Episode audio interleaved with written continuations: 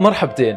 في الوقت اللي كان ينظر فيه رئيس وزراء بريطانيا إلى سبل إصلاح مجلس العموم اللي دمر الحرب في عام 1943 قال نحن نشك أبنيتنا وفيما بعد هذه الأبنية تشكلنا. وعشان نغوص أكثر في التخطيط العمراني وكيف لهذه المدن وهذه المباني أنها تشكلنا لابد أن نجلس مع مخطط عمراني ونتحدث معه ويعني نضع له كل القضايا اللي إحنا نحب نعرفها عن هذا المجال. ما في شخص أفضل من محمود لهيبي عشان نتكلم فيه عن التخطيط العمراني انسنه المدن المدن الذكية وغيرها من الموضوعات اللي تهم آه، التخطيط العمراني. على كل حال أنا سالم بشير وهذا بودكاست قفير. أهلا آه، محمود. حياك الله في بودكاست قفير. تشرفتنا في هذا في هذا الوقت وشكرا على تلبية الدعوة. لا بالعكس أول شيء شكرا على الاستضافة هذه. وأنا بصراحة سعيد أن أكون في بودكاست قفير سمعت عنكم الكثير وبصراحة حاب أن يكون جزء من من من من هذه القناة اللي تنشر المعرفة. أنت كتبت في تعريفك الشخصي في شبكات التواصل الاجتماعي أنك آه، ظهر سافرت 27 دولة ولا اشتغلت في 27 دولة؟ فعليا عملت بشكل أو بآخر وأغلبها كانت مشاريع. إيش ملامح هذا العمل؟ أو إيش ملامح هذه المشاريع؟ يعني ملامحها مشاريع تتعلق بتخطيط المدن مشاريع تتعلق بإعادة بناء بالأخص اللي هو من بعد اللي هن الكوارث الطبيعية. وأيضا مشاريع حتى آه، تتعلق بتغيير استخدام منطقة بالكامل. يعني حسب المتغيرات الاقتصادية. تعرف المدن تشيخ وتشيب مثل مثل الإنسان. ف... فيعني من بعد فترة زمنية معينة ونحن مخططين نقول بعد خمسين سنة يجب أن يكون في تغيرات جذرية حسب التغيرات الاجتماعية والتغيرات حتى السياسية والاقتصادية. لطيف لطيف. أنت كذلك مؤسس شريك في أمان ثينك أوربن نعم. إيش هذه المؤسسة؟ آه، إيش تسوي؟ إيش إيش آه، إيش هدفها؟ ممتاز. عمان ثينك اربن منذ يعني قدومي لعمان في 2018 آه، عشان أكون آنذاك جزء من الاستراتيجية الوطنية للتنمية العمرانية اللي كانت طبعا في المجلس الأعلى للتخطيط لحظة من وين جيت؟ من أمريكا لعمان أوكي أيوه طبعا أنا قضيت يعني جزء كبير من حياتي خارج عمان ويعني وبنيت اللي هي الخبرة العملية آه، والعلمية في مجال التخطيط خارج عمان. فالمهم من الأشياء اللي بديت على طول يعني لاحظتها اللي هي العملية التخطيطية في عمان آه، أغلبها هي يعني عملية تخطيطية رأسية تأتي من خلال احتياجات الحكومة ورؤية الحكومة آه، إلى اللي هن الاحتياجات التنموية من وجهة نظر مسؤول معين أو من وجهة نظر مؤسسة معينة. ولاحظت أيضا أن أن بالرغم أن عمان تاريخيا طبعا معروف أن نحن شعب جدا اجتماعي وشعب يحب الحوار والمشاركة بالأخص في في القرارات اللي تتعلق بالتنمية وما شابه فاللي حصل ان ان أن لاحظت أن المشاركة المجتمعية بالأخص في مجال التخطيط العمراني كانت قليلة أو شبه معدومة. فهنا عاد في هذيك السنة التقيت بزميلتي شهلة حسين هي من أصل هندي ولكنها عايشة هنا في عمان سنوات عديده. وأنا وياه اتفقنا بالفعل انه يجب إن يكون هناك يعني صوت للعملية التخطيطية والمشاركة المجتمعية في هذه العملية التخطيطية. عن طريق عمان Think Urban؟ عن طريق عمان Think Urban. ويعني فبدت الفكرة إن إحنا نؤسس أقل شيء جمعية صغيرة أو أو أو initiative كذا تجمع صغير في في أي جامعة هنا في عمان من حيث أن نبدأ أن نحن مبدأ التوعية أنك أنت مشاركتك كفرد من المجتمع في العملية التخطيطية هي هي مهمة جدا في صنع القرار. وبهذا عاد نحن آه، مرت تقريبا سنة وبدأنا بفكرة وسميناها بالتخطيط الأثنوغرافي. طبعا آه، علم الأثنوغرافيا هو هو أصلا علم متابعة آه، الإنسان. وتأثير هذا الإنسان على بيئته وكيف بيئته تأثر عليه. كيف متابعته يعني؟ أيوة. طبعا آه، علم الأثنوغرافيا هو علم قديم جدا. ويقال ان إن من أوائل الناس اللي استخدموا هذا العلم هو كان أبو بكر الرازي. واللي هو طبعا استخدم هذه الطريقة على أساس أنه يتقصى مصدر الوباء أو أو أو مصدر المرض لهذا الإنسان من حيث أنه هو يستقصى حياته اليومية ويتابع وين يروح آه، كيف يأكل وين يأكل وين الأماكن اللي هو يزورها عشان أنه يقدر يشخص إيش نوعية المرض ومصدر هذا المرض. كذلك في في العملية التخطيطية. قلنا أن نحن نستخدم هذا العلم على أساس أن نحن نقدر كمخططين بالتحديد نحدد نوع المرض أو أو أو أو نحدد شخص يعني. أيوه. نشخص الصعوبات الموجودة. ونشخص حياة هذا الإنسان لأنك أنت في النهاية كمخطط شغلك الشاغل هو أنك تخدم هذا الإنسان. لطيف. انت دخلتنا على طول في هذا الموضوع. إحنا أيوة. نبغى نسألك عن التخطيط العمراني أساسا. أيوه أنا بس أنا دخلنا في هذا بس أساسا. هل هناك تعريف واضح للتخطيط العمراني؟ طبعا التخطيط العمراني له عدة تعاريف. وهناك يعني مؤسسات عالمية ومدارس في عملية التخطيط. طبعا أنا أنتمي إلى المدرسة الأمريكية للتخطيط. أيوه. زين من ناحية الفكر بنجي على مسألة المدارس أيوة. بس آه زين وهناك طبعا مثل ما قلت عده تعاريف لها. ولكن إذا بتنظر لكل هذه التعاريف المختلفة طبعا بمصطلحات مختلفة بطرق مختلفة ترى أن آه، إن هناك آه، العامل المشترك فيما بين كل هذه التعاريف هي كلمة المجتمع. المجتمع هي هي هي دائما كأن محور كل هذه التعاريف المختلفة. كيف؟ بسط لنا أيوة. أقدر أقول لك مثلا تعريفي الشخصي أنا كمحمود للتخطيط العمراني. أقول هي العملية التي تقوم بها مؤسسة معينة أو شخصا ما. ما شرط أن يكون حتى يعني مؤسسة. مؤسسة معينة أو شخصا ما. لتحديد وظائف تجمع سكاني معين. وهذا التحديد يكون لخدمة المجتمع وخدمة الاقتصاد. طبعا إنك أنت ما ممكن إنك أنت يعني تبني شيء من دون ما يكون في حس اقتصادي. زين؟ علشان تبني على أساس إنك أول شيء تخدم هذا المجتمع وعلى أساس إنك توفر الاقتصاد الكافي وتوفر لهم الخدمات الاجتماعية الكافية بحيث أن هذا الإنسان يعيش حياة كريمة في هذا المكان. طبعا هذه التجمعات السكانية لها إنتاجات سواء إنتاج ثقافي سواء إنتاج اقتصادي. طبعا الإنتاج الثقافي إذا تنظر للناس ولا تنظر حتى للكتب وإلى جميع اللي هي المنتجات الثقافية من مسارح وما شابه ذلك. كلها موجودة في المدن.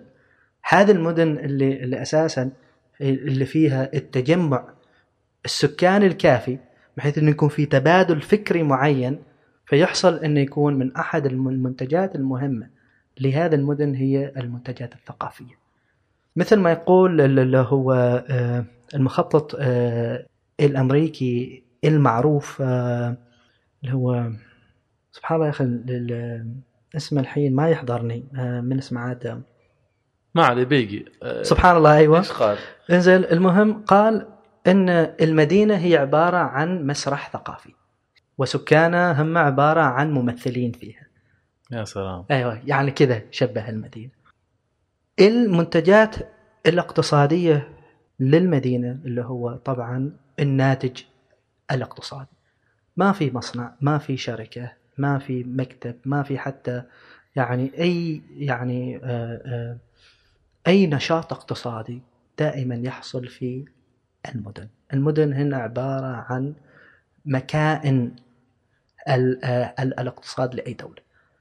يعني الحين مثلا الحين حاليا هنا في عمان تقريبا قرابة آه، ال 65% من اقتصاد عمان هو هو من مدينة مسقط فالمدن هذه هي هي هي عبارة عن آه، تقول أنت الجسد اللي يحتوي العمل والروح الاقتصادية. آه، فهذا يعني هو يعني بال- لطيف. بالنسبة لي أنا لما أفكر بالمدينة. طيب لما نشوف على الدراسات نشوف هناك إنه في تخطيط عمراني تقليدي وفي تخطيط عمراني حديث. إيش الفرق ما بينهم وكيف وصلنا من هذه إلى هذه؟ طبعا بالنسبة لي كإنسان ممارس في هذا المجال مبادئ التخطيط العمراني ما تغيرت. مبادئ التغيير العمراني يعني ال- ال- التخطيط العمراني هي هي واحدة. إيش تغير؟ اللي تغير الأساليب والأدوات اللي اللي نحن الحين نستخدمها في العملية التخطيطية. مم. نتكلم عن إيش؟ مثلا نحن الحين نتكلم نحن الحين في عصر في الذكاء الاصطناعي. نتكلم عن عن عصر س- ال- الآلة وبما يسمى بالمدن الذكية الحين أصبح جزء من من حياتنا اليومية ومن حتى كلامنا اليومي.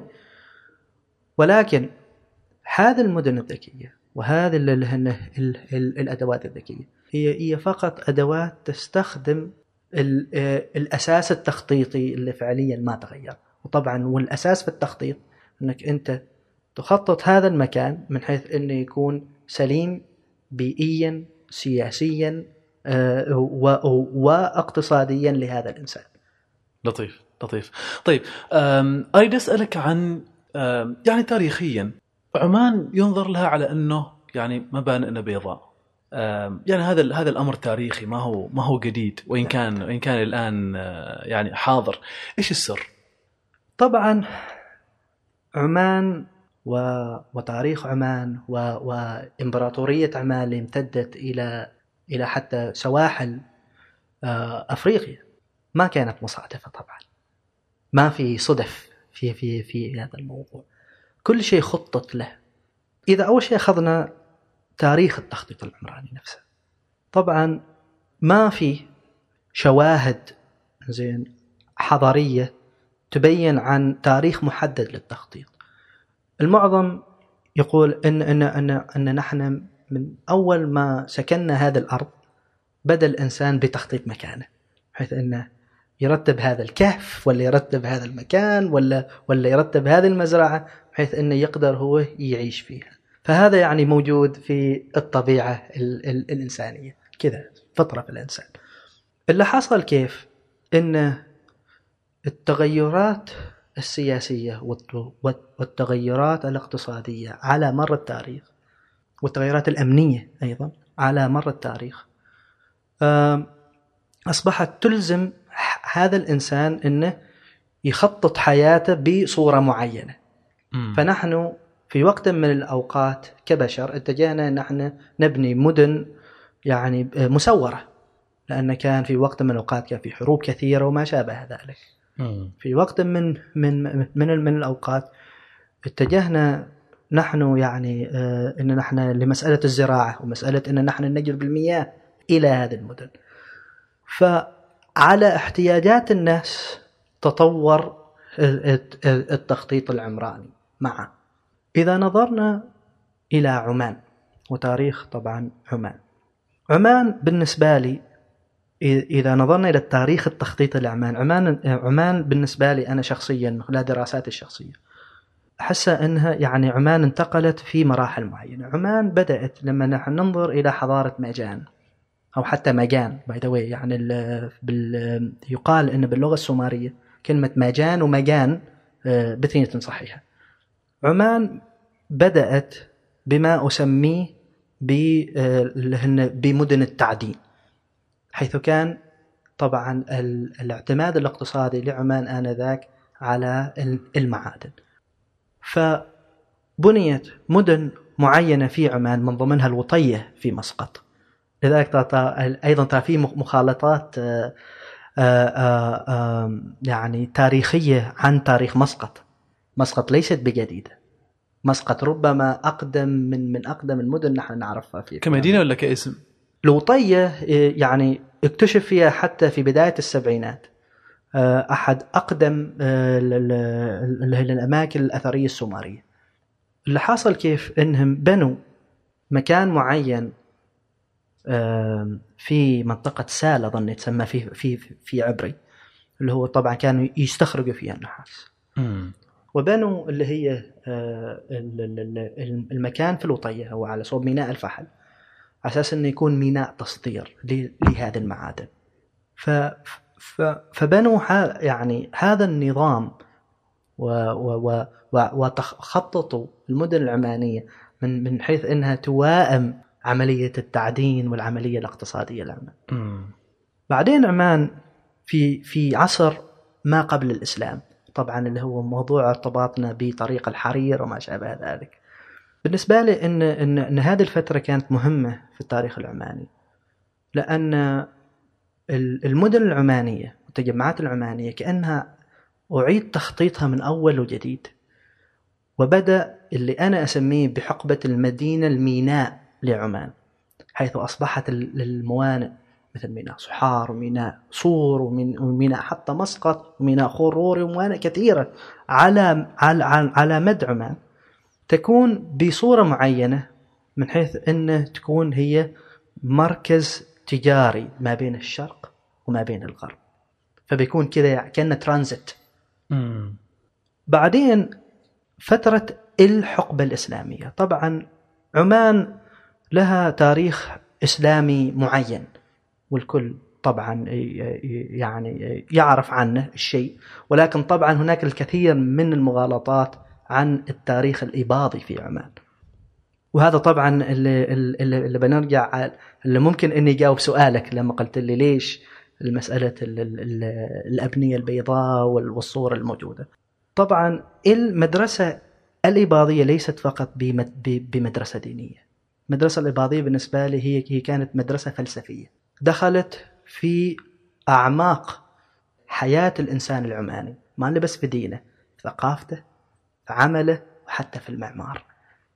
لذلك في في في أيضا من من من من الباحثين ال- الأمريكان من من أصل مغربي كان تلقب بأبو لوجات آه، توفت مع أن هي هي يعني هي ظن اسمها سارة سارة أبو لوجات آم، بحثت كثير في موضوع اللي هو ال- ال- العمارة الاباضيه ولكن ليس في عمان في اللي هو شمال أفريقيا. فهناك تأثير مباشر على شكل العمارة هذه حيث أن ال- ال- ال- الإباضية أول شيء كانت من من من مبادئها أن تكون المؤسسات الدينية يعني مؤسسات آه يعني تكون مؤسسات متواضعة على أساس أن ما يلهيك التصميم ولو طبعا كان ذاك التصاميم العباسية والتصاميم الأموية عشان ما يلهيك التصميم لما تدخل المسجد هذا عن اللي هو صلتك بالله عز وجل. آه لذلك. مساجدنا ال- القديمة هي متواضعة. بسيطة و أيوه. الحاجة الثانية آه، من آم، آه، يعني من ظواهر ال- ال- العمارة الاباضيه إن إن أيضا المباني هذه سواء المساجد والسكن تكون أب أبنية دفاعية لأن لأن طبعا بحكم ال- ال- الحروب وحكم آه، طبعا ال- الاختلافات فك- ف- فكانوا يقولوا ان لازم هذه ال- ال- النوافذ والدرائش يكونن صغيرة. ذلك أنت لاحظت في العمارة القديمة في عمان أغلبهن أحجامهن صغيرة. ولازم يكون فيه ثقوب فوق بصورة معينة لعملية اللي هو ال- التبريد. وهذا الشيء يعني أيضا يعني يعتبر من ملامح اللي هو العمارة الإباضية. اللون الأبيض طبعا هذا هذا من الألوان اللي سبحان الله يعني على مرور السنين اشتهر فيه آه، يعني آه، أتباع هذه المدرسة. وأصبحوا يعني يعرفون باللون الأبيض سواء بالعمامة البيضاء أو سواء حتى بالبيوت البيضاء. وهذا الشيء انطبق على عمان وعلى حتى تواجد العمانيين أو تواجد الإباضيين في مثلا تونس في جزيرة جرباء وحتى في في المغرب والجزائر العربي. من بعد المرحلة الإسلامية لعمان وهذا وهذا طبعا أنا سميته بمرحلة المدينة الإسلامية ولكن كوت ان كوت باللمسات الإباضية هذا اللي يميز العمارة الإباضية. م. وهذا طبعا نحن نشوف كثير هنا في عمان في الحارات العمانية وما شابه ذلك. طبعا كل الكلام اللي قلته. المرحلة اللي بعدها من ناحية آه، التاريخ العمراني لعمان اللي هي طبعا آه، مرحلة الإمبراطورية. أنا حتى لي من من أحد أبحاثي ومؤلفاتي اللي هي آه، سميتها بمسقط and لندن the imperial capitals اللي هن طبعا لندن ومسقط العواصم الإمبراطورية. طبعا الحاجة السياسية آنذاك لعمان أن تكون مسقط هي طبعا مركز القوة السياسية لعمان. وأيضا أن لازم تكون مسقط هي يعني أكثر مكان محمي لعمان بالأخص من بعد الغزو البرتغالي لعمان. يجب أن تكون العاصمة هذه يعني عاصمة يعني آمنة عاصمة مسورة عاصمة بها اللي هو آه، الحماية الكافية لتحمي سلطان البلاد. فلذلك اللي هي آه، تأسس اللي هو سور مسقط القديم الموجود حوله. واللي طبعا تصميمه بدأ من العهد البرتغالي. طبعا من المغلوطات في التاريخ العماني. أن قلعة الجلالي والميراني هن, هن, هن قلع برتغالية ولكن لا. هن, هن, هن قلاع موجودة من أول. البرتغاليين استخدموها. والدليل على ذلك العمارة. عمارة الجلالي والميراني ليست بعمارة برتغالية. عمارة الجلالي والميراني إذا تلاحظها هي كعمارة أي قلعة ثانية في عمان. فليس فليس من المعقول أن تكون مثلا اللي اللي اللي بنوها البرتغاليين بعمارتهم وما في اختلاف. معقولة ما في اختلاف؟ في في في طبعا في اختلافات معينة. طبعا لأن لأن طبعا العمارة الداخلية في عمان تختلف. يعني مثلا عمارة نزوة مقارنة مثلا ب بعمارة صلالة والعمارة في في طبعا في اختلافات بسيطة لكن في أشياء نقاط كثيرة أيوه. ولكن هناك في هوية عامة. تشابه. أيوه للعمارة العمانية. فالمهم فأصبحت هذه المدينة اللي هي الحين مهيئة آه، يعني يجب يعني إنها تهيأ عشان تكون عاصمة لإمبراطورية. إمبراطورية تمتد طبعا إلى شرق أفريقيا. وأيضا في نفس آم آه يعني آم هذه الحقبة بدأنا ببناء اللي هي مدينة الميناء. مرة ثانية اللي تكلمنا فيها في الحقبة الثانية لعمان. ولكن آه مدن الميناء في آه آه في أماكن أخرى يعني مثل منباسة مثل زنجبار مثل آه جوادر هذه أصبحت مدن مهمة آه، للقن البضائع من وإلى عمان. هنا عمان آه، وهذا طبعا رأيي الشخصي إن إنها تعلمت هذا الشيء من آه، اللي هن الدول الاستعمارية مثل مثل بريطانيا ومثل البرتغال وما شابه ذلك. هذه الدول تنشئ شبكة من المدن الميناء حول العالم من حيث إن البضائع وال والثروات الطبيعية تخرج من هناك وتذهب إلى اللي هي المدينة الرئيسية، فمثلا للبريطانيين كانت طبعا محور العالم هو لندن. فهم يبنوا هذه مدن الميناء حول العالم في الهند وفي أفريقيا وفي شرق آسيا بحيث أنهم يأخذون هذه الثروات ويتم تصنيعها في خدمة الاقتصاد وغيره يعني لخدمة اقتصاد هذه المدينة هذا المحور واللي هو لندن. لذلك نحن نسمع بمصطلح اللي هو الجلوبال سيتي أو, أو, أو هي المدينة العالمية. هنا بدأ ظهور هذا المصطلح. المهم أن نحن على أساس أن هذه الإمبراطورية اللي أصبحت يعني ما شاء الله حجمها كبير في قارتين قارة آسيا وقارة أفريقيا.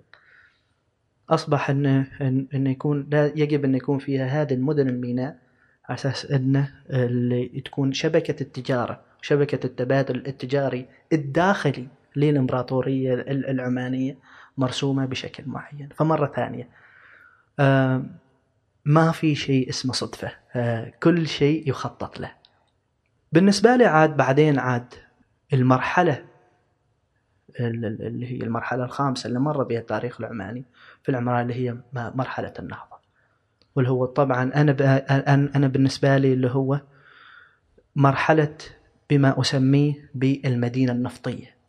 لعمان هنا طبعا آه، سلطان قابوس آه، طيب الله ثرى هو اللي هو اللي اللي, اللي ابتدأ هذه آه، النهضة لعمان.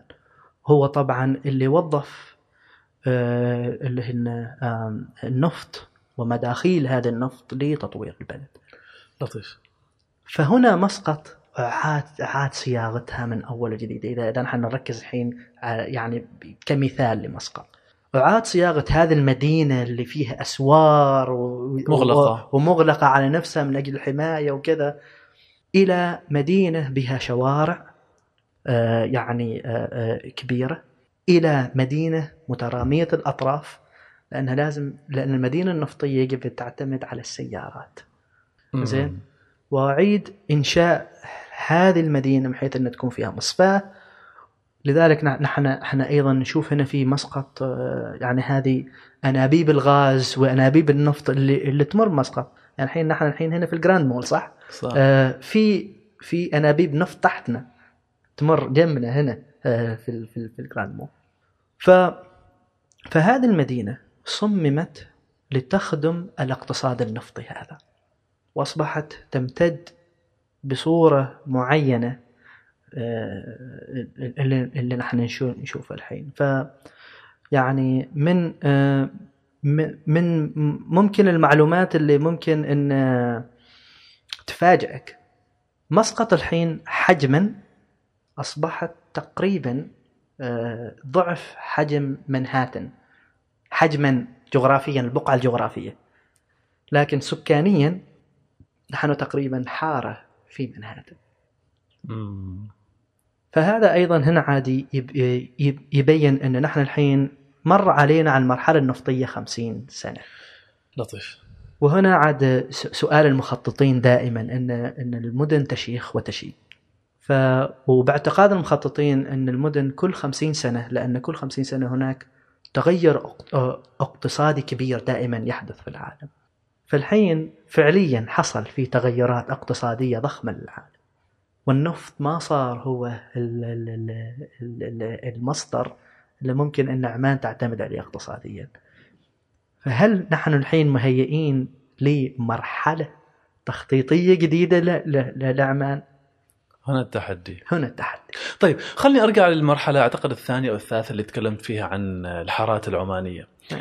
هنا فعليا الناس هم اللي خططوا مدنهم هم اللي وضعوا احتياجاتهم بناء عليه آه، كان في تخطيط بالنسبة للحارات آه، وذكرت أنت بعض بعض عناصر هذا هذا التخطيط. نعم. هل هذا معناه إنه إحنا ما نحتاج إلى مخطط عمراني؟ الناس لما تخطط لأنفسها ما معناتها ان ما عندها مخطط عمراني؟ ترى هنا السؤال. عمان عرفت آه، آه، بأحد أقدم الأنظمة الدستورية في العالم. يعني عمان كدولة عمان كدولة مؤسسات معروفة حتى منذ العصر الجاهلي. ولكن كان هناك نظام يسمح للناس إنهم يبدوا آرائهم من خلال حتى هذه المجالس والشيوخ. هذه الأنظمة القبلية أيضا في عمان ما كانت أيضا نظام عشوائي ترى. ما كان. يعني حتى نظام السبلة ونظام المجلس هذا هذا كان نظام مهم في العملية التخطيطية. وكان يعني آه هذا يعني هذا المخطط المجتمعي كان يقوم طبعا بنظرة يعني بتوجه دولي أو أو أو أو بتوجه وطني. لذلك نحن لما مرينا على هذه الحقب المختلفة يبين لك أن الإنسان العماني هذا يتغير مع مع مع المتغيرات اللي حوله كدولة. وطبعا الحس المشترك الموجود في المجتمع هذا ما معناته ان إن الناس بس يعني تفكر باحتياجاتها الخاصة. لا طبعا. نظام الحكم في عمان على اختلافاته سواء في العصر الجاهلي أو أو في العصر الإسلامي أو في العصر الحالي هي أنظمة حكم فتحت المجال أساسا للمجتمع العماني وال وال والمواطن العماني إنه يكون أصلا جزء من التخطيط الاقتصادي والتخطيط السياسي وطبعا يعني بصورة مباشرة أو غير مباشرة التخطيط العمراني. لطيف لطيف. طيب واحد من أكثر المصطلحات شيوعا لما نتكلم عن التخطيط العمراني هو أنسنة المدن. نعم. إيش يعني أنسنة المدن؟ كيف كيف كيف كيف نشوف أنسنة المدن في في المدن؟ هنا هذا يعني سؤال جميل جدا آه لأن لأن أيضا أسمع كثير من الناس يتكلموا عن عن هذا الموضوع ولكن بشوية معرفة قليلة. هات. تخطيط المدن آه عالميا طبعا مثل ما قلت مر بمراحل كثيرة. ولكن هناك اللي هي مرحله الثورة الصناعية عالميا. اللي ظهر فيها إن الإنسان هو قادر على إعادة صياغ كل شيء حوله صناعيا وما يحتاج إلى البيئة وما يحتاج حتى للآراء الشخصية للمواطنين لأن هناك أرقام وعلم تبرر عمله. فأصبحت هذه الأدوات آه، اللي هي آه، الثورة الصناعية الأدوات العلمية تطغى على اللي هو اللمسات الإنسانية أكثر وأكثر. وصلنا لدرجة أن نحن فعليا في بداية الألفية بدينا نفهم كمخططين وكدول أن, أن نحن بهذا الأسلوب خربنا البيئة وبعدنا المواطن والإنسان هذا عن عن المدن. أصبحنا بس نخطط لأن الرقم الفلاني يقولنا كذا. أصبحنا نبني هذا المبنى لأن الجدوى الاقتصادية بالأرقام تبرر لي أني أبني هذا المبنى. من دون معرفة الحاجة آه، الفعلية للناس لهذا المبنى. من دون ما نعرف كيف هذا المبنى يأثر على حياة الناس. كيف ان, إن نحن لما نغير شارع لما لما نغير شيء كيف حياة هذا الإنسان تتغير معه؟ أصبحنا نثق بآلة وبرقم أكثر مما نثق بإنسان حالي من حاله. يعيش حياة يومية ويعيش واقع. ممكن أنه يكون واقع جميل أو ممكن يكون أنه واقع مرير. ف في العشر سنوات الماضية فعليا للأسف الشديد معظم المخططين من بعد هذه الحقبة كانوا مغرورين. آه، يعني أنا أنا مخطط لكن لازم أني أعترف بهذا الشيء. إن انغروا أن العلم مثل ما قلت هي هو السلاح الوحيد للعملية التخطيطية. الناجحة. ولكن في العشر سنوات الماضية فعليا اعترفوا طبعا بصورة غير مباشرة. وقالوا أن آن الأوان أن, أن, أن هذه المدن تنظر إلى الإنسان أولا قبل التخطيط. آه. هذا معنى كلامك إنه الانسنه أساسا كانت موجودة. موجودة. وإن كانت يعني ضمنية و أيوة يعني, يعني لها مصطلح حقيقي لكن ما كانت موجوده كان أصلا مصطلح حقيقي لانها كانت أصلا جزء طبيعي لا يتجزأ من عملية التخطيط. لأن هذا هذا هذا الشيء الصح يعني هذا الشيء التلقائي أيوه فنحن يعني في في هذه المرحلة كأن المخططين شوية آه الغرور هذا اللي فيهم قل وقالوا نعم هناك مدن كثيرة حول العالم فعليا يعني آه جالسة تمر بمصاعب آه اقتصادية وبمشاكل بيئية ما قادرين يحلوها. إنها تفتقد للأنسنة؟ لأنها تفتقد للأنسنة؟ أيوه. مثل مثل مثل أعطيني أعطيني مدينة عالمية. آه يعني تجي في بالك. أيوه. يعني مثلا من الأمثلة المشهورة جدا اللي هي مدينة آه، آمستردام. في هولندا. مدينة آمستردام بنيت على الموديل الأمريكي بعد الحرب العالمية الثانية. وطبعا ترى هذا الموديل اللي نحن الحين مسقط ما زالت عليه واللي هو طبعا موديل المدينة النفطية. شوارع واسعة زين آه، مدينة مترامية الأطراف مبنية على أساس إن السيارات تمشي وعشان اقتصاد النفط. لذلك آه، في في حتى نظرية في الاقتصاد تسمى بالمرض الهولندي أو آه، أو بال Dutch disease. إيش معناته؟ معناته إن إن النفط ياثر على اقتصاد ال- ال- المكان المعين سواء مدينة أو دولة وعلى صفات وأخ يعني ونقول آه، اللي هو وعلى صفات الإنسان اللي يسكن في هذا المكان حيث انه يكون اتكالي زيادة على اللزوم على على الحكومة تكون مخرجاته الاقتصادية أقل وتكون حياته تتمحور حول السيارة. هذا الوضع في أمستردام يعني؟ هذا هذا كان سابقا.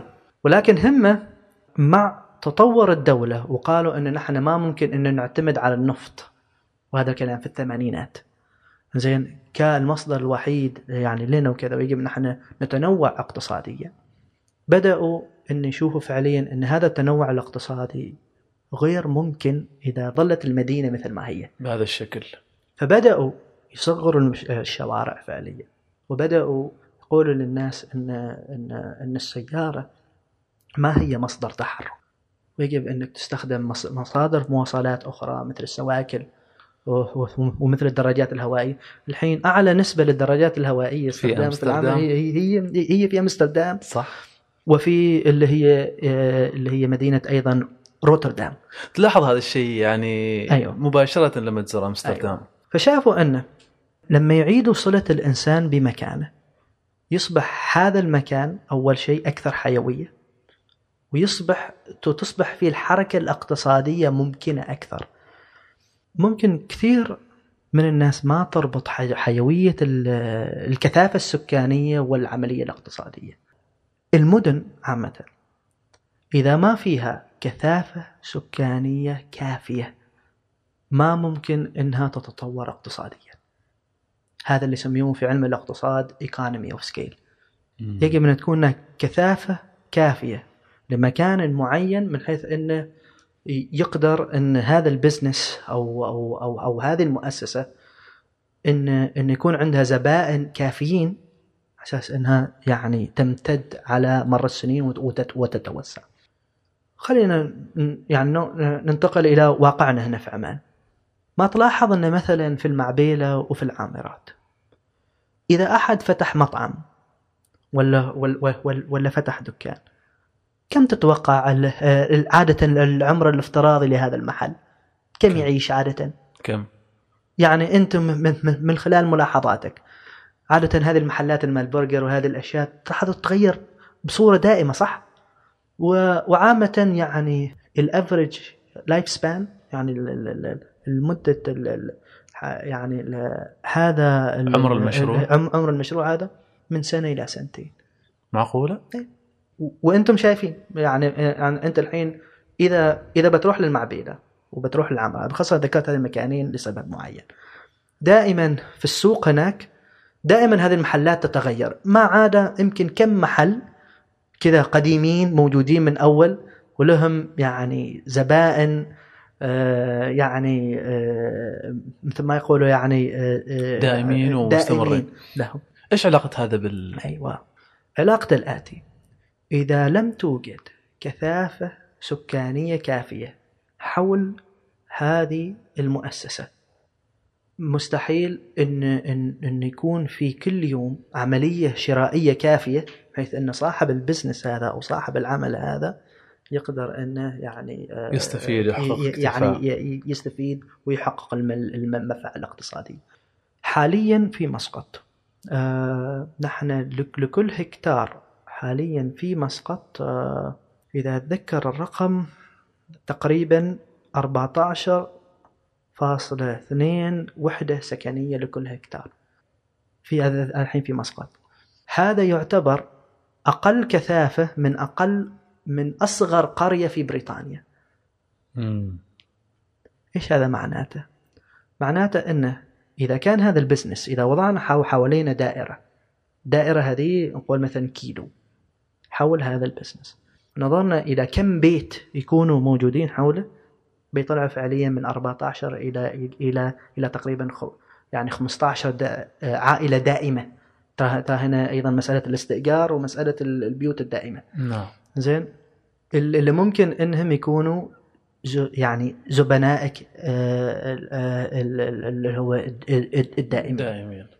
طبعا الناس اللي يجيوك من من بعيد يجيوك مرة مرتين يجربوا زين. آه والله أنا جاي من القرم خاطف على الخوض سمعت عن هذا المطعم زين. خطف عليك مرة في السنة مرة في الشهر مرة كل ثلاث شهور ولكن ليس بزبون دائم. فهذه أيضا من التحديات اللي مم. آه، ال- ال- آه، ال- اللي اللي تواجهها المدينة النفطية مثل مدينة مسقط مقارنة بأمستردام. فإذا تكلمنا عن أمستردام وعن روتردام كانت كذا في وقت من الأوقات. لكن من عملية إعادة التكثيف وإعادة اللي هو انسنه هذه المدينة أصبحت هذه المدينة أكثر حيوية.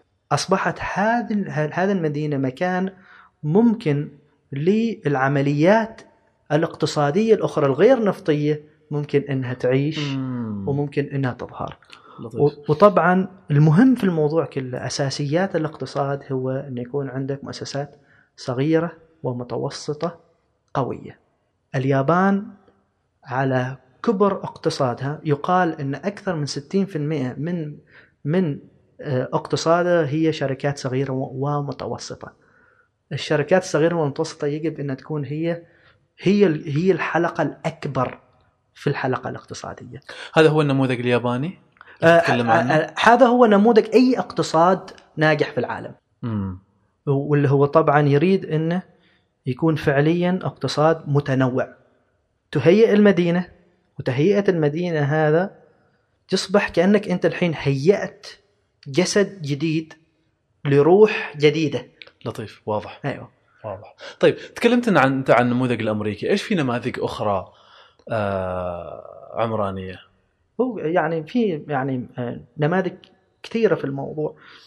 يعني آه، طبعا النموذج الامريكي هو كان النموذج اللي طغى من بعد الحرب العالمية الثانية وبالأخص مع موضوع اكتشاف النفط. فالنموذج هذا نموذج المدينة النفطية. طبعا هناك في نماذج أخرى آه، مثلا مثلا كان آه، آه، نموذج اللي هو آه، المخطط الإنجليزي المعروف هاورد اللي هو يسمى بمدينة الحدائق اللي هو إل جاردن سيتي. قال ان المدينة الصناعية اللي هي اللي ظهرت في الثورة الصناعية أصبحت يعني هي آه، غير مهيئة للعيش الإنساني. ويجب إن نحن نفصل المكان اللي يعيش فيه الإنسان والمكان اللي يشتغل فيه الإنسان. وظهرت اللي هي ليفربول ومانشستر آه، يعني عيد تخطيطها بهذا الأسلوب. حيث أن مانشستر أصبح أن الصناعة كانت في المدينة نفسها وأصبحت واصبحوا الناس يسكنوا في اللي هن تسمى ب آه، اللي هو بمدن الحدائق. حيث انه يكون في طريق أو سكة حديد تصله بال- بال- بالمركز الصناعي. ويعيش هو هناك بعيد عن عن عن عن هذه الأشياء. ويكون طبعا عايش قريب من الطبيعة. و- و- لأن أن فعليا في وقت من الأوقات في لندن في في أيام آه، الثور يعني هذا في أيام الص- الصناعة والث- والثروه ال- والثورة الصناعية. وصل إن كمية التلوث آه، في لندن إنهم كانوا حتى ما يشوفوا الشمس بالأيام. وكان حتى نهر التايمز كان كان النهر يتلون بألوان مختلفة كل يوم على حسب المواد الكيماوية اللي كانت ترميها هذه المصانع في هذاك اليوم. وهذا الشيء أيضا حتى ينطبق على نهر المسيسيبي في شيكاغو. فهناك بالأدلة كانوا يقولون إن في يوم كان كان النهر لونه أخضر في يوم كان النهر لونه أزرق وفي يوم يعتمد على كمية الملوثات اللي كانت ترمى. في في في هذه الأماكن. فكلامنا طبعا في اللي هو مثال ال- المدينة الحديقة اللي هو الجاردن سيتيز اللي هذا كان من نظرية هاورد. طبعا بدأ بالفعل يفصلوا سكن الناس عن الأماكن الصناعية. ولكن اللي حصل حصل هذا أيضا يبين لك إن إن طبعا ما في نموذج تخطيطي كامل. لأن في النهاية هي هي أن- أنظمة إنسانية صح؟ ولكل نظام فيه أخطاء وفي كذا. فهذه الطريقة أصلا فصلت الأغنياء عن على الفقراء اللي ما كانوا يملكون المقدرة أنهم يعيشوا أصلا في آه هذه الأماكن البعيدة ويقدروا أنهم يعني يعيشوا هذا نمط الحياة. ويجب أنهم كانوا يسكنوا قريب من الأماكن اللي اشتغلوا فيها. لذلك في وقت من الأوقات كان اللي هو العمر الافتراضي للناس يعني للعامل في لندن وصل إلى أقل من 20 سنة في وقت من الأوقات بسبب التلوث العظيم اللي كان في مدينة لندن. فنفس الشيء. طبعا النماذج هذه تتطور وتتغير حسب الحاجة دائما. فهذا يعني آه، أحد الأمثلة اللي ممكن أذكرها. لطيف. تكلمت عن المدن على أنها تشيخ. وذكرت مثال أمستردام عادة كيف يتم معالجة هذا يعني نقول إذا كان يعني هناك معالجة لهذا لهذا العمر عمر المدينة اللي شاخت يعني عادة كيف كيف يتم التعامل معها من قبل من قبلكم كمخططين؟ طبعا الطريقة الأمثل للتعامل بهذا الشيء إنك أول شيء يجب إنك تعرف ما هي المشاكل اللي يواجهها هذا المجتمع في هذه المدينة؟ لانك أنت أساسا تقدر تقدر أن هذه المدينة شاخت أم لا من حيث مقدرة هذه المدينة على خدمة حاجات الإنسان في هذاك الوقت. لأن طبعا مع, تغ... مع مرور الوقت احتياجات الناس تتغير. مثال بسيط جدا. في وقت من الأوقات قبل يمكن حتى 10 أو 15 سنة كان من الخدمات الأساسية للبيوت في عمان كان الكهرباء والمياه. الحين من بعد 15 سنة أصبح من الخدمات الأساسية للبيوت في عمان كهرب وماي وخدمة إنترنت فايبر أوبتيك. ليش؟ لأن الوقت تغير وحاجة هذا الإنسان تغيرت مع التغيرات اللي هي آه، التغيرات الاقتصادية ومع طبعا التطور التكنولوجي. فأول حاجة يبدأ فيها اللي هو إنك أنت تعمل دراسة عن حياة هذه الناس في هذه المدينة. وإيش هي المشاكل اللي يواجهوها في هذه المدينة؟ على على كثر عدم توائم هذه المدينة مع احتياجات هذه الناس في في هذا في في هذاك الوقت على كثر ما تحدد إن هذا إن هذه المدينة فعليا شاخت. كل ما كان هذا الجاب اللي بتوين اللي يكون ما بين حاجة الناس وما بين تخطيط هذه المدينة كبير على مدى إنك أنت تقدر تحدد إن هذه المكين إن هذه المدينة أصبحت من حقبة وأصبحوا الناس من حقبة أخرى. من بعد تحديد هذه الأشياء تبدأ عاد هنا باتخاذ الإجراءات التصحيحية أو الإجراءات اللازمة. هذه الإجراءات طبعا تعتمد على ما مدى توفر المادة اللي هو المال وعلى ما مدى اللي هو التوافق السياسي لهذه الدولة من تغيير هذه المدينة. إذا إذا كان النظرة السياسية أو أو أو الرؤية رؤية هذا البلد أن فعليا نحن يجب أن أن نحن نواكب هذا آه، التغير. ووفروا المال ووفروا التقنية اللازمة. إذا هنا تبدأ عملية إعادة التخطيط حسب المتوفر من المال والتقنيات المتوفرة.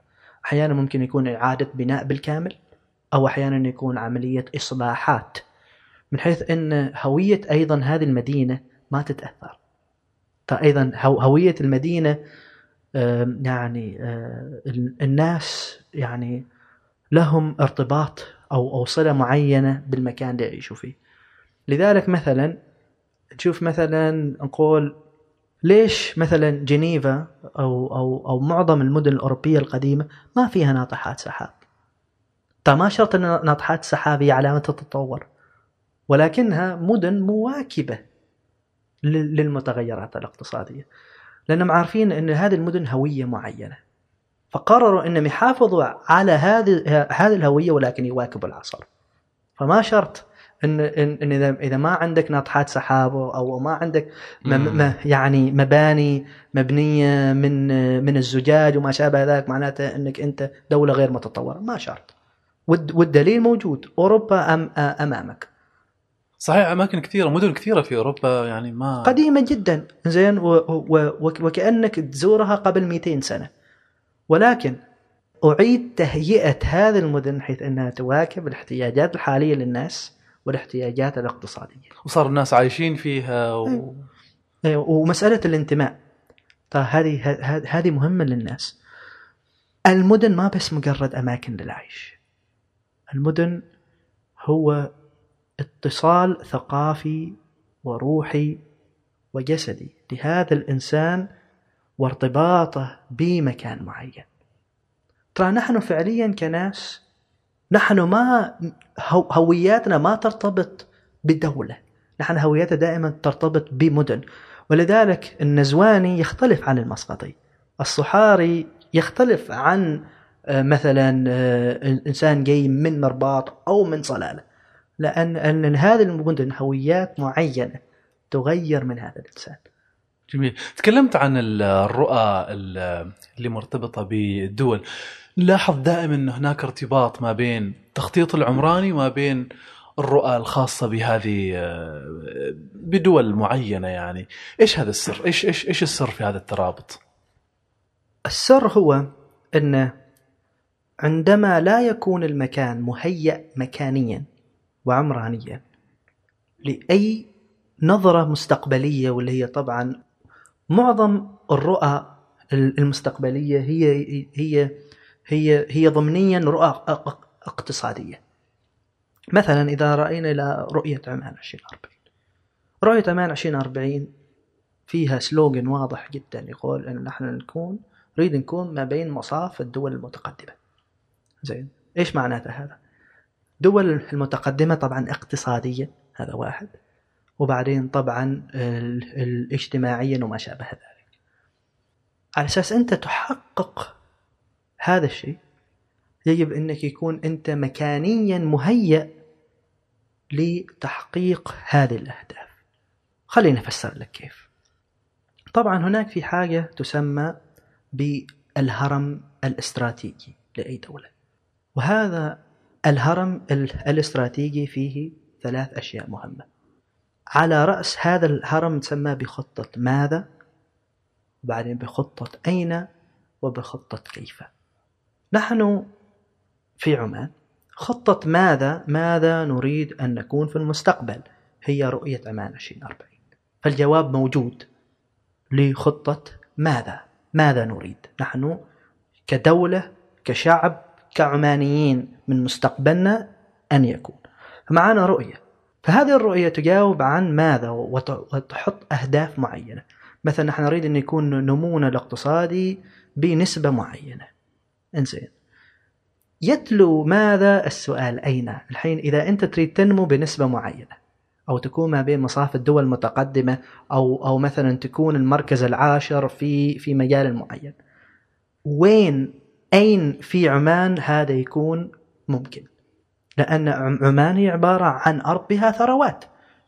فتأتي هنا الاستراتيجية الوطنية للتنمية العمرانية. امم لكي تجاوب عن هذا السؤال وتقول أين هذه الأهداف اللي وضعت في عمان ممكنة؟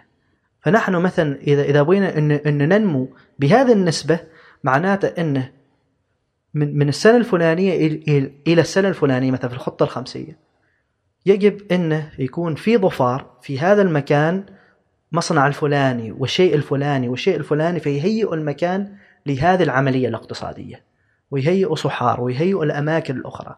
فذلك أصلا هذه الأماكن مثلا المناطق الاقتصادية الحرة وكذا هذه كلها مخطط لها يعني ليست عبثا.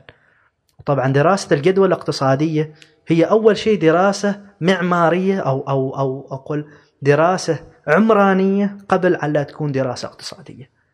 لأنه يجب أن يحدد المكان في المكان المناسب ويجب أن يكون هناك يعني التهيئة المناسبة لهذا العملية الاقتصادية أن تكون في هذا المكان. فأعطيك مثال. أنا الحين تخيل أقول لك هذه أرض روح ابني فيها مصنع لمثلا آه لمثلا آه إنتاج آه الايفون زين أنت الحين كمستثمر بتقول لي تقول والله على أساس إني أنتج الآيفون أحتاج لفايبر أوبتيك سريع طريقة معينة محتاج لي خدمات معينة لازم تكون موجودة في هذا المكان وإلا أنا ما أقدر أصنع هذا الشيء. فهنا تهيئة المكان وتحديد استخدامه للعملية الاقتصادية هو مهم جدا. لذلك تأتي خطة اينا واللي هي الاستراتيجية العمرانيه لعمان كخارطة الطريق لرؤية عمان 2040 بعدين في الهرم الاستراتيجي هذا تأتي خطة كيف؟ الحين أنت حددت المكان. زين. الحين هذا المكان مثلا لعملية اقتصادية معينة مسؤولة عنها مؤسسة معينة أو هيئة حكومية معينة أو أو شركة معينة. الحين الحين أنت كمخطط أنت ما مختص في هذا المجال الاقتصادي. مثلا في صناعة الآيفون عشان نكمل على مثالنا. أنا ما أنا كمخطط أنا ما مختص بصناعة الآيفون. ولكن المستثمر هذا أو الهيئة المتخصصة هذه هي اللي عندها المعرفة الكيفية. هذاك يقول أهل مكة أدرى بشعابها. فتقوم هذه هذه المؤسسة القطاعية ببناء الكيفية. إن كيف تبني هذا المصنع؟ وكيف يقوموا تشغيله وكيف وكيف وكيف. فبهذه الطريقة يكون عندك نظام استراتيجي لهذه الدولة بحيث إنك تعرف أهدافك تعرف وين تكون هذه الأهداف ممكنة وتعرف توجه قطاعات الدولة وين ممكن إنها تحقق هذه الأهداف. مهمة يقوموا قطاعيا برسم الكيفية. لطيف. لطيف لطيف. طيب خلينا نعرق على واحد من القضايا المهمة في مسألة امتلاك السكن. قد يكون هذا الموضوع يعني قريب من التخطيط العمراني بدرجة كبيرة اللي هو غلاء غلاء العقار. هل هناك من وسيلة أو نمط آه يعني يحل هذه الأزمة؟ طبعا إذا نحن نظرنا لمسقط أول شيء بسياغ آه إقليمي. اذا نظرنا لدول الخليج اقليميا. مسقط طبعا تعتبر الأرخص. عالميا مسقط أيضا تعتبر من أرخص المدن. طبعا ما هي الأرخص لكن من أرخص. هناك هناك من أرخص من ناحية أسعار الأراضي وكذا. يعني أنا حيحدثني أحد الزملاء اليوم بعد سبحان الله يقول لي إنه أحد زملائه في الكويت ما زال مع إنه متزوج ما زال عايش مع أبوه. لأنه ما زال لأنه ما محصل حتى أرض إن إن إنه يشتريها. وأسعار الأراضي طبعا غالية جدا. ويستغرب إن زميل العماني اللي هو زميلي أنا اللي يخبرني عنه إن انه يقول يقول والله أنا عندي أرضين أرض مسقط وأرض وأرض في في في البلاد. هذا من سياق إقليمي وسياق عالمي. ولكن طبعا اللي يهم المواطن العماني عمان صح؟ يقول يقول أنا مو يلخص باللي حاصل في الخليج وهذا. مدخولهم الاقتصادي يختلف آه، اوضاعهم الاجتماعيه تختلف يعني في اختلافات جذرية في الموضوع. في عمان للأسف الشديد ومن من خلال قراءاتي الحاصل آه، اللي هو ضعف التنظيم العقاري الموجود في عمان أدى إلى سيطرة آه، يعني المؤسسات العقارية وتجار العقار على أسعار العقار في عمان. مع أنه فعليا إذا نظرنا إلى مساحة مسقط زين ونظرنا إلى سكان مسقط يعني أنا أنا بالنسبة لي يعني الكثافة المثالية لمسقط تقريبا 7 مليون. عشان تبدأ إنها تكون مدينة فعلية اقتصادية على حجم مسقط ترى مسقط ضخمه حجما. ترى ترى نحن ما زلنا العمانيين ما مستوعبين كم الحجم الجغرافي لمسقط. نحن نحن قريبا إذا انضمت بركة إلى مسقط بنكون أكبر من أكبر مدينة في العالم جغرافيا واللي هي لوس أنجلوس. ولكن بعدد سكان بسيط جدا. عدد السكان هن هنا الناس تخلط ما بين المساحة الجغرافية وعدد السكان. آه نحن بلاد صغيره أيوه محل عدد السكان. لكن من ناحية ال footprint اللي معنا صح. ف فجغرافيا مسقط واسع. زين. وعلى عدد سكاننا المفروض أن أسعار العقار. ولكن لأن ان أن نحن معانا للأسف الشديد ضعف في آه، في في, في عملية التشريعات وتنظيم آه، اللي هو قطاع العقارات في عمان. أصبحت الأسعار ما تتحكم بها الدولة أو تتحكم بها مؤسسة معينة اللي فعليا يتحكم بالأسعار ال- ال- ال- اللي هو من مجموعة من التجار اللي يمتلكوا طبعا أراضي مجموعة أراضي ضخمة في مسقط وهم اللي اللي اللي يعني يسيطروا على على الأسعار في السوق. لطيف فالحل اللي هو يكون في تنظيم واضح لمن يمتلك هذه الأراضي، كيفية التعامل مع مع مع مع, مع هذه الأراضي. كيف إنك أنت حتى لو كنت مالك هذه الأرض، اذا إذا جلست على هذه الأرض مثلا أكثر من مثلا ثلاث أربع سنين من دون ما تطورها تبدأ الحكومة تفرض عليك مثلا ضريبة معينة أو ماذا يبدأ يسألوك. لكن زين أنت الحين جالس على هذه الأرض. هذا هذه الأرض ترى لها تأثير اقتصادي على المدينة بالكامل وعلى على حياة الناس وعلى حياة العقارات. زين ففي يعني تنظيمات معينة حتى الحين مثلا الس- السعودية بدأت يعني آه، تنظم هذا القطاع أكثر وأكثر. أراضي ولا- البيضاء؟ أيوه. آه، مسألة الأراضي البيضاء مسألة طبعا ال- الأراضي القديمة اللي بس كذا يعني تركت لمدة معينة مسألة حتى اللي هو آه، احتكار سوق العقار. فحتى في هذا الشيء يعني الحين بدوا إنهم يعني يحاولوا ينظموا هذا الشيء. اليابان عندها من من أكثر آه، القوانين عدم الاحتكار القناة ال- ال- اللي هو عدم الاحتكار العقاري صرامة في العالم. جدا صارمين بالأخص إذا تكلمنا عن مدينة طوكيو. كيف؟ طبعا مدينة طوكيو فيها 38 مليون نفس مليون شخص يسكنون هذه المدينة. وهي طبعا المدينة الأكثر كثافة في العالم. يعني تصور كأنها عمان ضرب 30 زين. في مدينة واحدة. يعني يعني فعليا هي عمان ضرب 10 زين وهي هي مدينة واحدة. وإذا تكلمنا عن مسقط زين مقارنة ب يعني nothing. فمدينة طوكيو هذه لأن أن هي الذراع الاقتصادي المهم لليابان. يريدوا أن أن يكون في محفزات للإنسان العادي العامل من العام ابتداء من العامل العادي إلى اللي هو مثلا مدير شركة. أن يكون البيئة مناسبة لكل هذه الفئات. فهم يعني آه، كحكومة آه، يعني عندهم ضوابط صارمة جدا في عملية التسعيرات وما شابه ذلك. وفي أيضا هناك حماية معينة للناس اللي ذوي الدخل المحدود وذوي يعني آه، مداخيل معينة. يعني نيويورك ولندن أصبحت مدن غالية جدا لدرجة أن يعني ال- مثلا إدارة لندن وإدارة نيويورك تصدر قوانين أن مثلا لكل بناية أكثر من شقة هي لذوي الدخل المحدود هذه وتتكفل الحكومة مثلا ب 60 أو ب 70% من قيمة هذا ال- ال- ال- الإيجار الشهري. طيب لما نتكلم عن المدن الذكية ونشوف الاستراتيجيه الاستراتيجيه العمرانية نلاحظ انه هناك ذكر بسيط فقط لل- للمدن الذكية. إيش معنى هذا بالنسبة لك؟ طبعا كإنسان وضع كل خبرته العم العلمية والعملية في خلال مسيرتي في, ال- في الاستراتيجية العمرانية أنا وضعت فيها فعليا قلبي هذه الاستراتيجية العمرانية لما لما كنا ياسين يعني نديها في المجلس على التخطيط. كل ما عرفت عن التخطيط وضعته هناك. بالنسبة لي أنه المدن الذكية هي عبارة عن ترند فقط لا غير.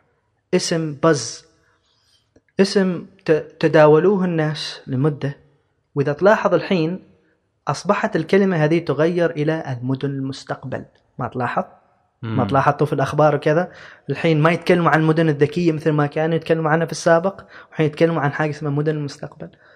هي كلها مصطلحات. للأسف الشديد لما أتكلم عن مصطلح الحين ما ما ما أتكلم عن المدينة الذكية وتنفيذها مصطلح المدينة الذكية.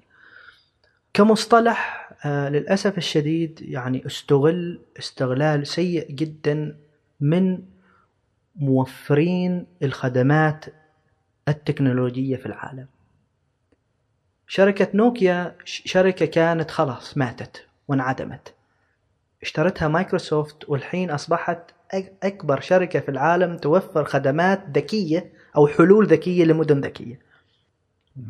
ففي كان استغلال زين آه ل لاصلا شركات غير تخطيطية لمسألة المدن الذكية.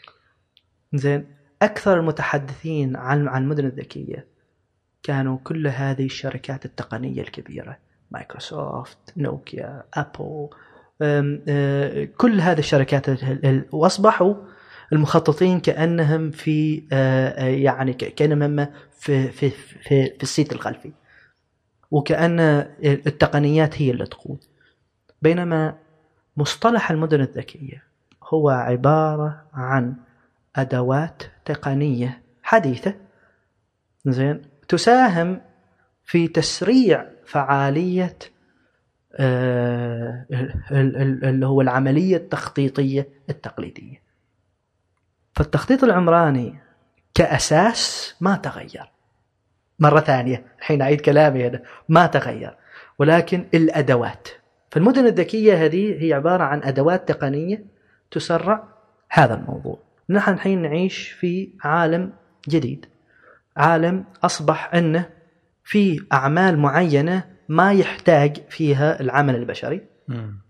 ف- فالآلة تقدر إنها تقوم بهذا العمل أسرع وأفضل من هذا الإنسان في بعض الأشياء. وأصبحنا أيضا نعيش في عصر معلومات. وتحليلنا لهذه المعلومات أصبح مهم جدا كجزء مهم في في ال- في ال- في العملية التخطيطية. بالنسبة لي أنا هل نحتاج إلى مدن ذكية أم لا؟ طبعا بقول نعم في حالة إن يوجد هناك حاجة لهذه الأدوات. ولكن إذا نحن نعمل هذه المدن الذكية بس مجرد إن العالم يقول أوه استخدمتم التقنية الفلانية، استخدمتم الجهاز الفلاني، استخدمتم. الاختراع ال- مم. ال- ال- ال- الفلاني ولكن ليس له حاجة حقيقية للناس هو تبذير للمال العام. واضح مثال الهند أعلنت أو من أوائل الدول اللي أعلنت عن اللي هو سوف يقوموا ببناء 100 مدينة ذكية في الهند. بحلول هذه السنة. وطبعا بدأوا بهذا الشيء من 2017 قال في 2017 قال بحلول 2023 بيكون عندنا الهند كأول دولة في العالم فيها 100 مدينة ذكية. خصصت الهند ما قدره تقريبا آه، 10 أظن إلى 15 مليار دولار. يعني مبلغ مأهول مبلغ ضخم. عشان تحويل هذه آه، 100 مدينة ذكية حول الهند قبل كم شهر قرار الكونغرس في الهند اللي هو طبعا بمثابة مجلس الوزراء معانا أكدوا فعليا أن بعد مرور كل هذه السنوات ما بدأوا إلا فعليا في 33 مدينة في الهند ومعظم هذه هذه المدن فشلت. والسبب الأكبر له أن هم هذه التقنيات كانت بعيدة عن احتياج الإنسان. بل إن في بعض الأمثلة في بعض المدن وأنا ما أريد أن أطريها الحين بالاسم لأن كنت من أحد الاستشاريين اللي استعانت فيها حكومة الهند أساس أن يعني نعمل تقييم لبعض هذه الدول. فطبعا لحماية اللي هي سرية المعلومة هنا. ولكن من الأشياء اللي اكتشفناها أن في بعض المدن الهندية زادت نسبة الفقر بسبب هذه الأدوات ال- ال- التقنية. مثال في بعض في مدينة محددة ما أريد الحين أطرح اسمها أصبح أن سرعة آه، يعني آه، استخدموا الكابلات الألياف وسويوا واي فاي بطريقة معينة في في هذه المدينة أغلى طبعا وكذا وأسرع. وقالوا أن هذا الشيء بيحفز الذكاء في هذه المدينة من ناحية الذكاء الاصطناعي وما شابه ذلك واللي هو عمل الشركات الكبيرة لكن اللي حصل أصبحت خدمة الإنترنت غالية زادت زادت سعرها على اللي هم آه، الطبقة المتوسطة من المهندسين اللي كانوا يعتمدوا على خدمات الإنترنت لتوفير خدماتهم للعالم طبعا الهند مثل بنغلور هي تعتبر يعني مركز عالمي في مجال ال IT. ال call centers هذه صح. الأشياء. يعني الهندي بوجوده في في الهند هو يمكن يشتغل في ست سبع دول حول العالم. صحيح بالأخص في في في مجال ال IT ومجال التقنيات. فاللي حصل ان الطبقة المتوسطة هذه أصبحت خدمات الإنترنت عليها غالية فما يقدر إنه يمارس عمله فدخلوا في خط الفقر. مم. فما دائما استخدام يعني هذه التقنيات الحديثة. معناته إن نحن تطورنا وأصبحنا يعني مدينة يعني آه يعني آه ذات صيت عالمي وما شابه ذلك. ما شرط. المدينة الذكية بال- بالتعريف محمود له هي المدينة اللي تخدم سكانها بذكاء. استخدام الآلة. هي ال ال يعني آه، هي ال- ال- ال- اللي هو الأمر الذكي في هذه المدينة إذا نحن غلطانين. لأن نحن أذكى شيء في المدينة هو وصل الإنسان. لأن الإنسان في عقل. جزاك الله خير صح. زين. فيجب إن أول شيء نحترم ال- اللي هو العنصر الأذكى واللي هو الإنسان في هذه المدينة. وإذا كنا نعتبر المدن اللي ما فيها واي فاي ولا ما فيها آه، اللي هو إنترنت الأشياء وهذه الأشياء. بمدينة غبية بالنسبة لي أنا أنت أنت تستغبى الإنسان. فأنا فأنا مصطلحيا عندي مشكلة مع مع مع, مع, مع هذا المصطلح بالمدينة الذكية. أنا أنا أنا ممكن أتقبل مصطلح انها مثلا مدينة تقنية أو أو أو مثلا مدينة يعني آه، تستخدم التقانة أو أو أو أي تسمية ثانية. ولكن اني إن إنك تفرق المدينة الذكية عن المدينة الغبية زين بحيث إن هنا استخدم آلة وهنا ما تستخدم آلة. وال وال والعنصر المشترك ما بين الاثنين هو الإنسان. هذا هذه أنا بالنسبة لي مصيبة. صح. صح. طيب محمود هناك شيء يسمى الكود المعماري. إيش أهميته بالنسبة للمدن والتخطيط العمراني فيها؟ سؤال مهم جدا يعني في بالأخص آه، للعملية التنفيذية للتخطيط. نحن كثير آه يعني اذا اذا نظرنا للجمهور كثير من الامتعاض العام للجمهور نحن معانا رؤى ومعانا استراتيجيات وعمرانية ومعانا مخططات عمرانية ولكن ماشي شيء يصير في الأرض. أكبر صعوبة تواجهها المؤسسات في التنفيذ اللي هو عدم وجود معايير تخطيطية وكود معماري واضح يتناسب مع هذا المخطط ال- اللي هم يريدوه. أه نحن تكلمنا سابقا عن إلهرم الاستراتيجي هذا اللي هو خطة ماذا وأين وكيف. يأتي هذا ال ال ال ال الكود المعماري ككتيب آه، التعليمات. اللي عادة تحصله في مثلا في PlayStation ولا في أي في أي حاجة ممكن تشتريها دائما تحصل فيها كتيب تعليمات صح؟ نعم. هكذا العم... ال- اللي هي في العملية التخطيطية. أنت أنت الحين لما تحدد كرو- كرؤية تريد أن مثلا آه، تكون هذا المكان يرو... يعني مثلا متقدم اقتصاديا. بعدين تحدد مكانيا وين بالتحديد تكون هذه آه، اللي هو التنمية. وبعدين تترك الكيفية لهذا القطاع مثلا لمستثمر أو مثلا لجهة حكومية وما شابه ذلك انه استثمر في هذا المكان بهذه الصورة. ولكن وإنت تعطيه هذاك الباكج تعطيه هذا كتيب التعليمات اللي هو طبعا المعايير التخطيطية والكود المعماري من حيث انه تضمن إن هذا المكان أقل شيء يحترم المكان يعني يحترم ثقافة هذا المكان يحترم طابع الم- ال- المدينة هذه يكون أكثر تاهيلا لاحتياجات الناس ويكون أيضا يعني آه، أكثر مرونة لموضوع التغيرات المناخية. طبعا لكل مكان في العالم هناك يعني آه، صعوبات مناخية مختلفة. وهناك أيضا صعوبات اقتصادية واجتماعية مختلفة. فيأتي هذا الكتيب أساس أنه آه، يعطي التعليمات الكافية أنك لما تبني يجب أنك تراعي هذه الأشياء في ع- عملية البناء في هذه المدينة في هذا المكان. حيث أن أيضا ما بس أنك يعني آه، آه، تحافظ على على على على, على هذا المكان من ناحية الصورة ومن ناحية اللي هو function أيضا من ناحية آه، اللي هو القيمة الثقافية لهذا المكان. لذلك يعني مثلا لما أنت آه، في كثير من من المدن الأوروبية لما تعيد بناء مكان معين يقول لك لازم تعيده مثل ما كان.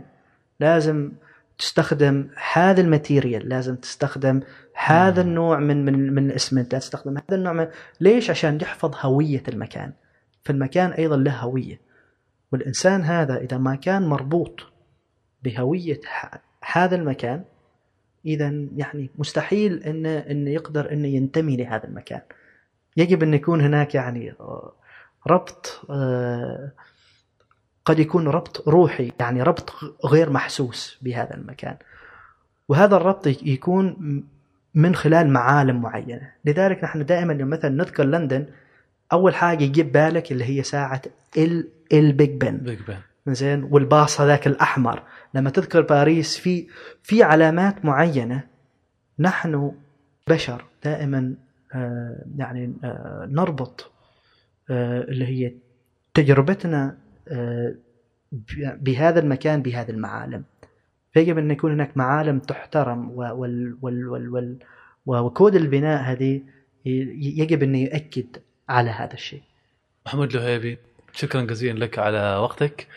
ما قصرت. شكرا على تلبية الدعوة كذلك. آه يعني حديث ماتع معك آم، مساحة لك لو حبيت إنه في حاجة تحب إنك تذكرها في نهاية هذا هذا الحوار.